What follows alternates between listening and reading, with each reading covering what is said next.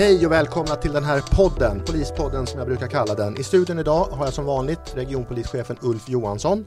Eh, jag har också med mig Manuel Firpo som är huvudskyddsombud hos polisen i Södermalm. Hjärtligt välkomna. Tack så mycket. Vi nåddes ju för några dagar sedan av en nyhet om att en polis på just Södermalm fick en, eh, blev attackerad med en kniv i nacken och förd till sjukhus. Ulf, vad tänkte du när du fick höra den här nyheten? Ja, man blir eh, bestört och riktigt förbannad eh, när man hör att eh, en av våra poliser blir angripna med, med kniv helt oprovocerat. Fast beslutsam om att vi, vi då ska hjälpa den här så mycket som möjligt, vår kollega, och också att gärningsman ska gripas. Det är vad man känner instinktivt när man hör det här. Och sen naturligtvis att han då klarar sig ur det här med livet i behåll. Mm. Manuel, du är ju skyddsombud är faktiskt i samma område som den här, den här polisen drabbades. Vad var din första tanke när du hörde det här? Att eh, en kollega till mig är död. Det var min första tanke. Och jag blev väldigt stel. Mm. Nu visade det sig ju efterhand att det var en hyfsat lindrig skada men, men det kunde ha gått mycket, mycket illa. En knivskärning är ju väldigt, väldigt farligt.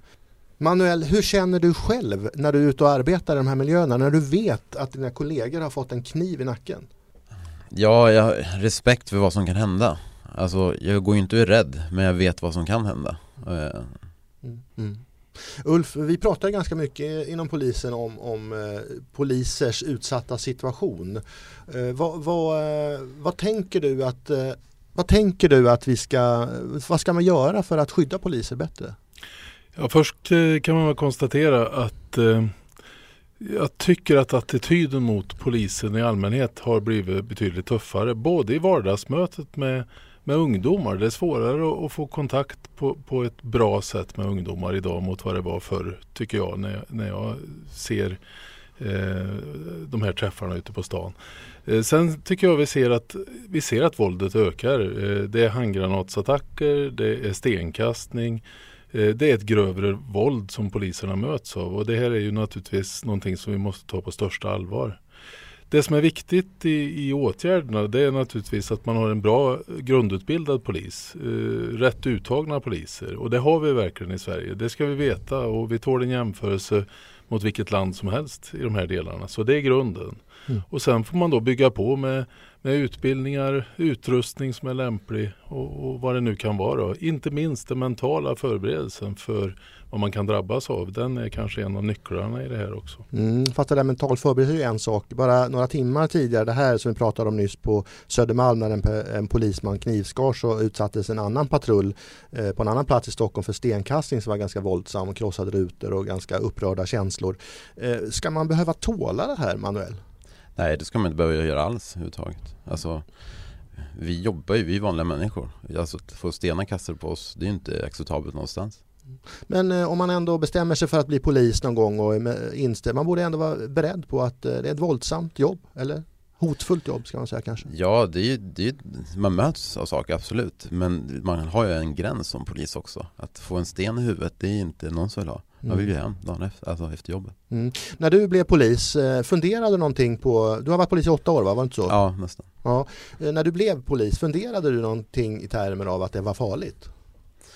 Under min eh, SAO, när man är, åker ut under utbildningen med poliser, då slog mig tanken att bara shit, det här är, nog, det är ett farligt jobb tror jag. Eh, men jag tror under, innan jag sökte så tänkte jag inte på så mycket mm. eh, vad som väntade mig. Mm. Det har jag nog insett mer när jag väl började jobba. Mm. När du går ut på ett pass eh, på Södermalm, eh, hur, hur går tankarna då? Mm, på vilket sätt menar du? Att, jag tänker mig, går man och funderar på att det kan vara farligt eller?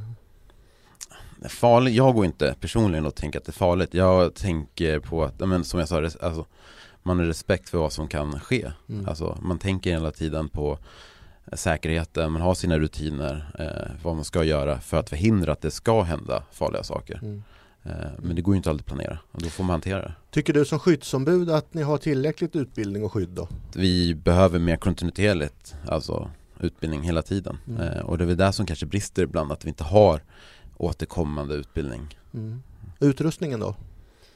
Um, ja, det beror på vilket typ av jobb man får. Uh, där vi har bär dagligen skulle jag säga tillräckligt. Mm. Uh, när det är större, grövre saker i alla fall på Södermalm så kanske vi inte har tillräckligt många förstärkningsvästar. Eh, man vet inte om de håller eller inte. Mm. Tilltron till de västarna kanske inte är hundra. Mm. Vad säger du om det Ulf? Eh, västar till exempel som man bär i väldigt extrema situationer. Poliser som kanske inte har tilltro till, till eh, västens skydd. Mm. Jag tycker man ska börja med att säga att, att det är oacceptabelt och vi måste jobba stenhårt för att Eh, motverka den här våldsdelen eh, som vi ser mot, mot svenska eh, poliser. Nej, det är viktigt att jobba kontinuerligt med det. här. Men jag, jag tycker som jag sa tidigare, vi har bra eh, poliser i, i, Sverige. Vi har en god utbildningsnivå. Va, vad som är viktigt i det här det är att vi jobbar stenhårt för att vidareutveckla det där.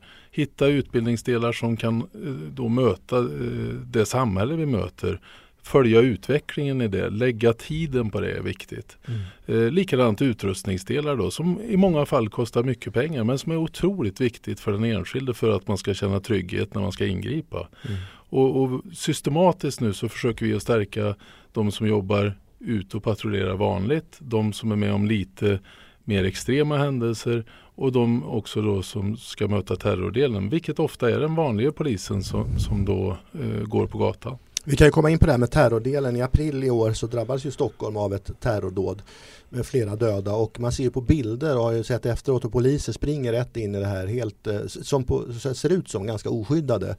Och eh, om man tittar på det så ser det ju faktiskt väldigt farligt ut. Och det man tänker på som anställd här också det är att det finns inget annat skydd. Polisen är ju det yttersta skyddet. Är det farligt att vara polis Ulf? Eh, ja, i vissa fall är det extremt farligt. Det, det, man hamnar i sådana situationer och det som är det luriga i det här är att det sker på en sekund. Så, så vänder en vardagssituation till någonting mycket allvarligt. Och det är utmaningen.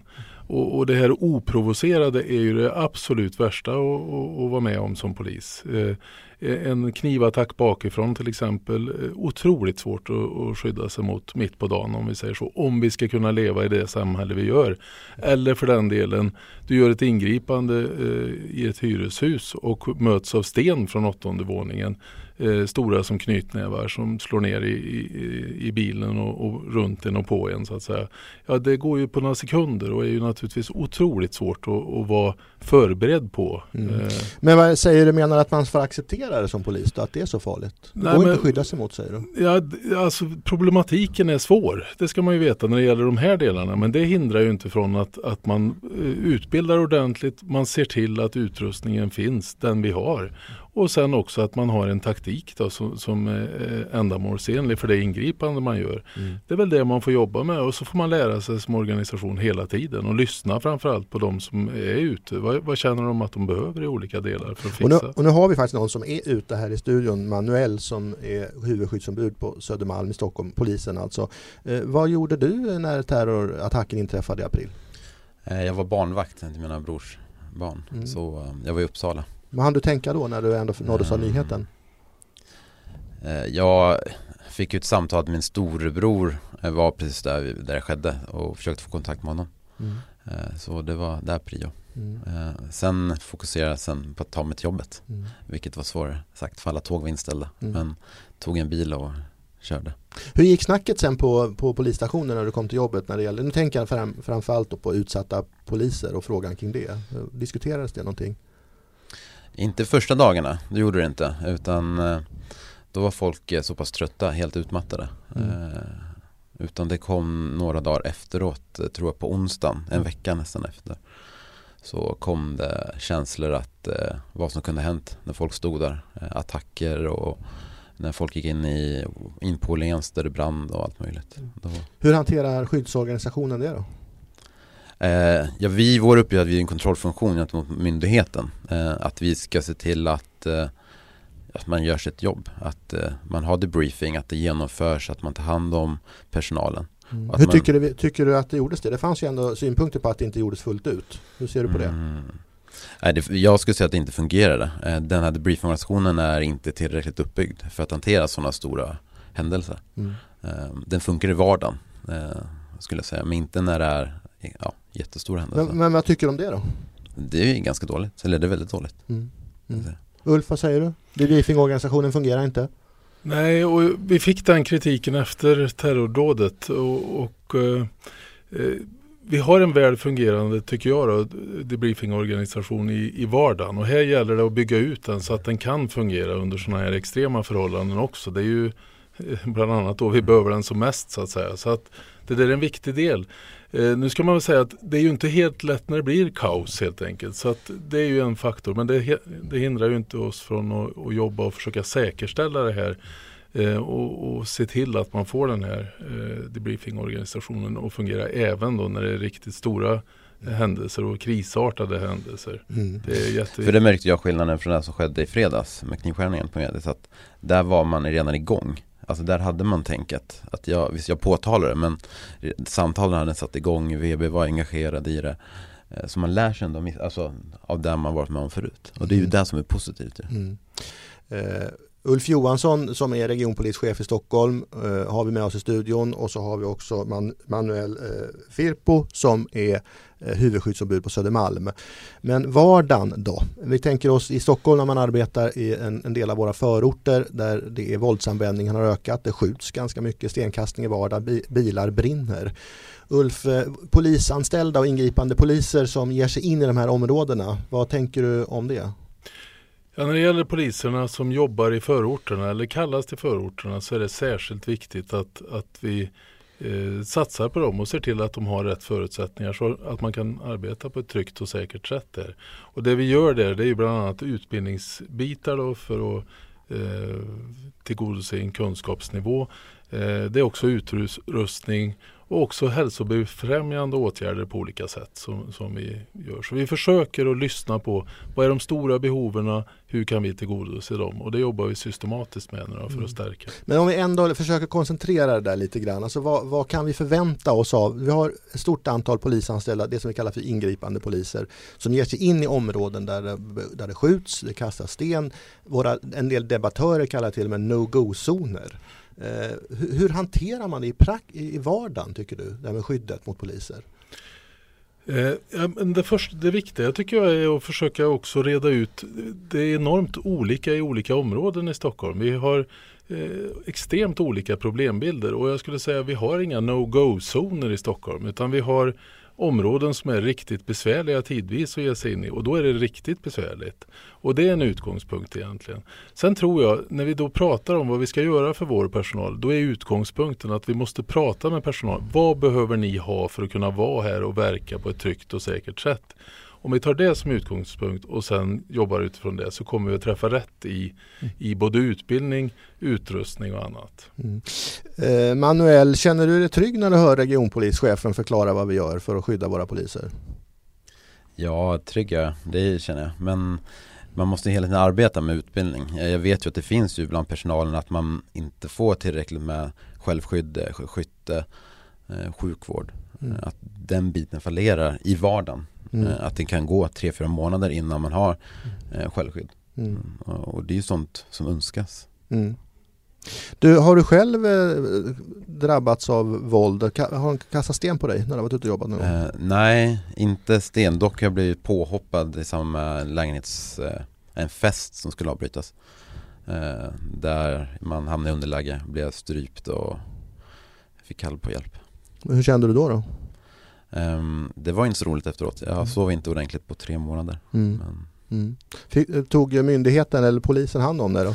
Eh, nej, inte just då. Nej. De inte det. Vad hade du behövt som du inte fick? Någon debriefing tror jag. Mm. Men det var 2010-2011 tror jag det var. Mm. Precis när jag hade börjat. Mm. Och då är man ju som ny polis och det är ganska vanligt förekommande. Nej men det är lugnt med mig. Ja, det är ingen fara. Mm. Men man vet ju själv inte att man kanske behöver hjälp. Ulf eh, Johansson, du är regionpolischef i Stockholm och är också ansvarig för allt det här, högst ansvarig. När du hör att en, en eh, nybakad polis drabbas av våld och sen inte kan sova på tre månader och inte får den hjälp han behöver, vad tänker du då? Ja, jag tänker att det är otroligt trist och oacceptabelt och, och här gäller det att vi hjälps åt. Eh, arbetskamrater i, när, i närheten och, och, chefer som är långt ut. Titta verkligen på, på sin personal, prata med dem och, och, att vi hjälps åt att hålla rätt på varandra. För det här är otroligt viktigt. Och det är klart man som ny polis får en fruktansvärd upplevelse om man då inte får hjälp att bearbeta den. Mm.